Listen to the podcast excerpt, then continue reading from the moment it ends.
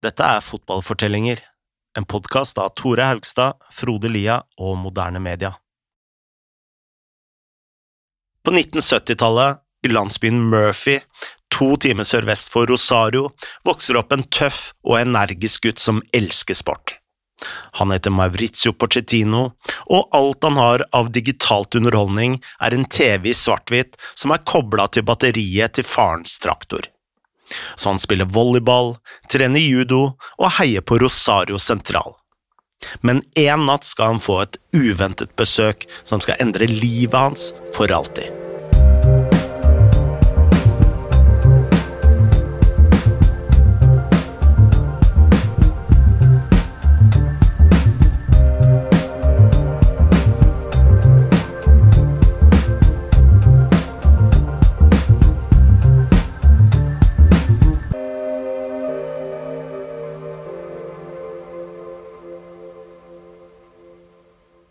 Dette overraskende besøket kom en natt da Pochettino var i begynnelsen av tenårene.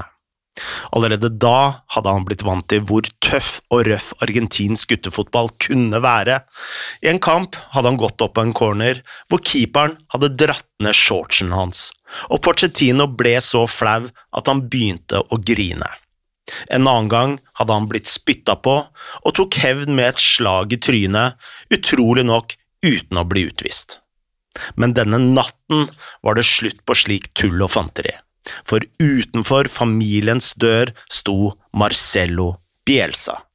Bielsa, som da var ca. 30 år, jobba for akademiet til Newells, det andre store laget i Rosario utenom Rosario sentral.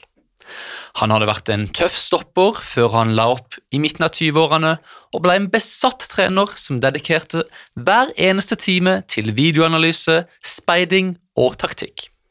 Da han hadde kommet til Newles, hadde han og akademisjefen Jorge Griffa vært enige om at Newles ikke hadde pengene til å kjøpe store stjerner. De måtte heller granske landet for talenter og siden Bielsa var redd for å fly, så kjørte de to rundt i en liten Fiat på kryss og tvers av landet i tre måneder for å besøke klubber, skoler og landsbyer. I havnebyen Avelaneda fant de en god, men overvektig spiss kalt Gabriel Batistuta, og nå var de i ferd med å oppdage Mauricio Pochettino. Verken Bielsa eller Griffa kjente Pochettino og hans familie. Men klokka ett på natta banka de på døra og spurte om de kunne møte gutten. Og det fikk de lov til. Men Pochettino sov jo selvfølgelig, så ifølge historien lista Bielsa og Griffa seg inn på gutterommet for å se ham. Visstnok skal Bielsa ha tatt en kikk på beina hans og sagt han ser ut som en fotballspiller, og der og da bestemte han seg for å gi ham en sjanse. Egentlig drømte Bocchettino om å spille for et annet lag, nemlig Newell sine rivaler Rosario Central. Men bestefaren overtalte han til å dra på prøvespill i Newells. Han tok bussen tre timer inn til Rosario, hvor Bielsa satte han inn som stopper i en internkamp. Og Pochettino var jo så klart nervøs, han ville prestere og imponere Bielsa og gjøre så godt han kunne og kanskje få en sjanse til å spille for denne store klubben, men etter fem minutter så vinka Bielsa til han fra sidelinja og ba han om å gå av banen. Pochettino var ikke skadet eller noen ting. Han hadde vært nær ballen kanskje tre-fire ganger og ikke gjort noe spesielt. og Nå raste jo selvfølgelig tankene gjennom hodet til Pochettino. Hvorfor så tidlig? Hadde han gjort noe galt? Hadde han virkelig vært så dårlig? Men så inviterte Bielsa ham til en turnering i Mar del Plata. Selv om Pochettino knapt hadde vært nær ballen, hadde Bielsa sett på kroppsspråket og holdningen hans at han var en god spiller.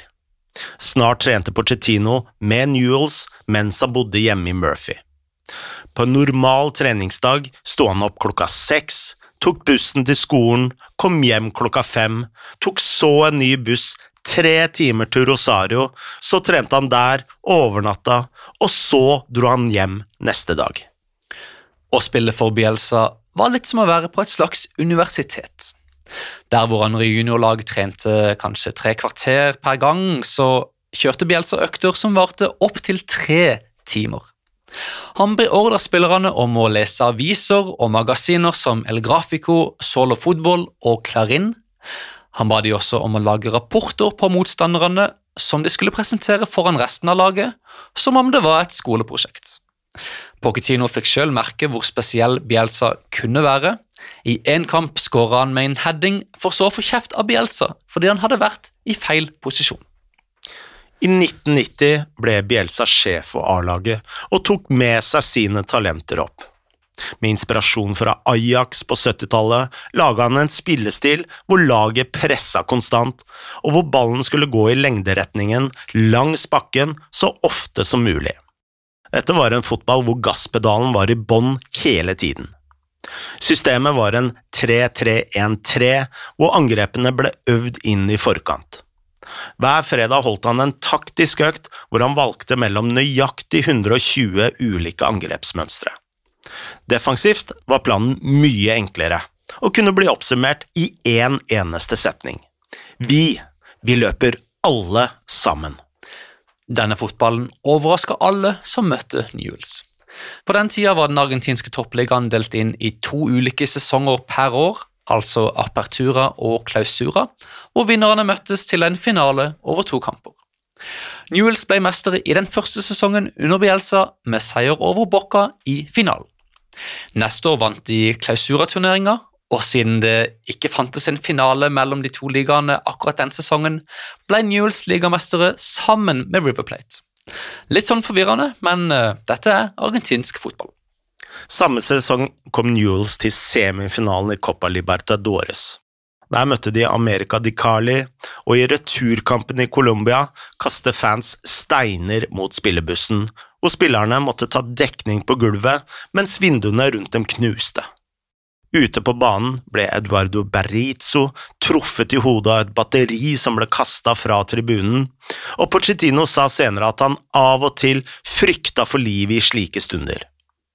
Men Jules kjempet seg videre på straffer og sikra en finale mot Sao Paulo. Den tapte de på straffer, et knusende nederlag som paralyserte alle utenom Bielsa. Innen Newells hadde landa i Argentina, hadde han allerede sett finalen om igjen to ganger. Da sesongen var over, sa Bielsa opp som trener i Newells. Pochettino ble der i noen år til, men i 1994 pakka han kofferten, gikk om bord flyet og forlot sitt kjære Argentina. Et nytt eventyr venta 22-åringen, denne gangen i La Liga.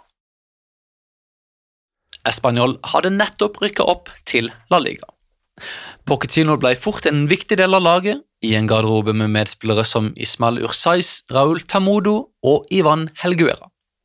Den første sesongen sikra de en veldig imponerende sjetteplass, og året etter kom de på fjerdeplass, fire poeng foran Real Madrid.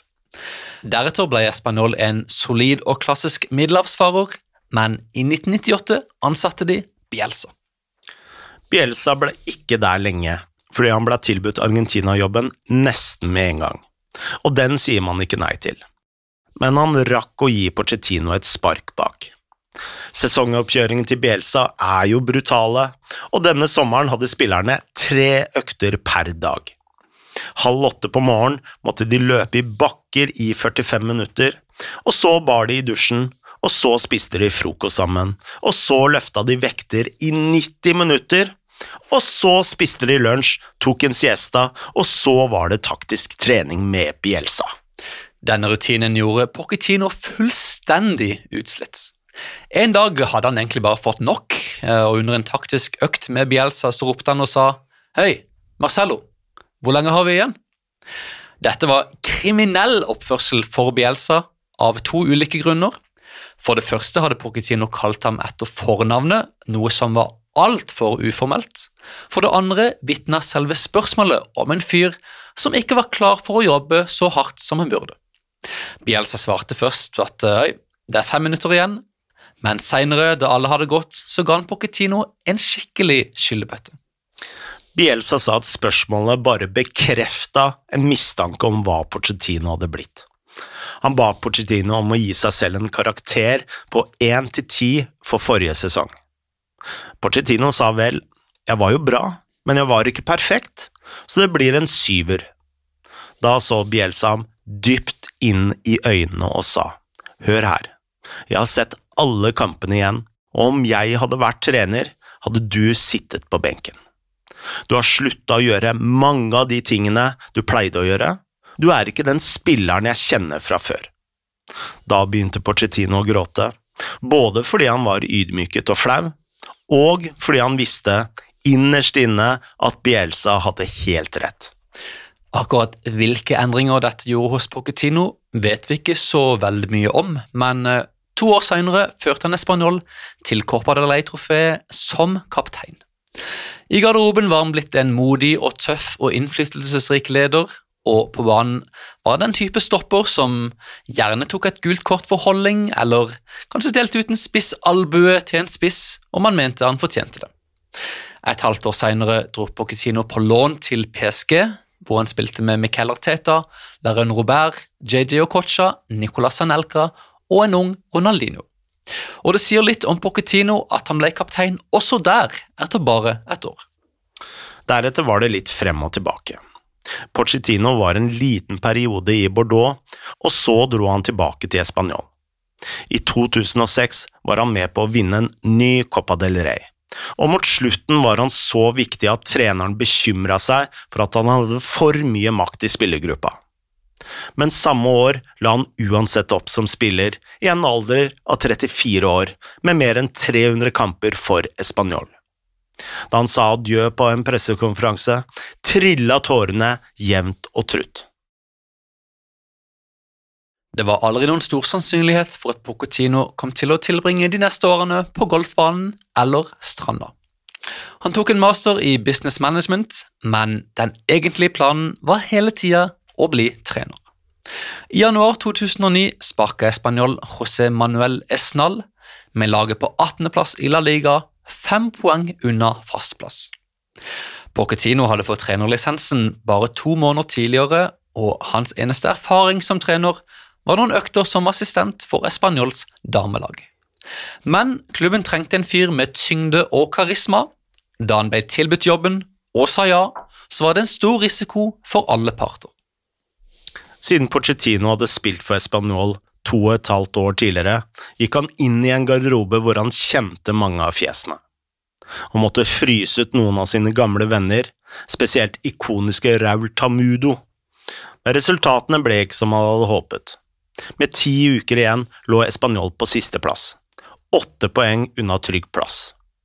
De hadde bare vunnet fire kamper hele sesongen. Visstnok skal Pochettino ha tatt en gåtur på tolv kilometer opp på fjellet Monserrata, hvor han trygla jomfru Maria om å redde laget. Like etter det vant Español på mirakuløst vis åtte av de siste ti kampene. Det som hadde virket som et sikkert nedrykk, endte med tiendeplass. De neste tre årene etablerte Pochettino sin stil gjennom hele klubben. Han ba alle lagene på akademiet om å spille 4-4-2, som han mente var det beste systemet for å utvikle spillere. Han flaska opp en rekke talenter som fikk sjansen på A-laget, akkurat slik Bielsa hadde gjort i Newells. Español spilte en 4-2-3-1 med A-laget, hvor spillerne pressa høyt, selv om de så møtte Barcelona på Camp Nou. Pochettinos vinnervilje ble gjenspeila i laget, som i løpet av disse tre årene lå i toppen for gule og røde kort. Guardiola oppspørte det best da han sa det finnes lag som venter på det, og det finnes lag som kommer etter det. Español, de kommer etter det. Internt var Pochettino nådeløs med alle som ikke leverte, og det gjaldt ikke bare Raul Tamudo. Bare noen uker etter at han hadde tatt over, kasta Pochettino ut fitnesstreneren, selv om han var gudfaren til trenerens sønn. Det positive var at Pochettino hadde stålkontroll på hele stallen. Det negative, følte noen, var at han ble paranoid, og at han så konspirasjonsteorier som ikke fantes. Men selv da stemningen var dårlig, gjorde laget det bra.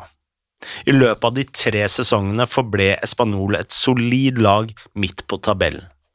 Sommeren 2012 vurderte Pochettino å si takk for seg.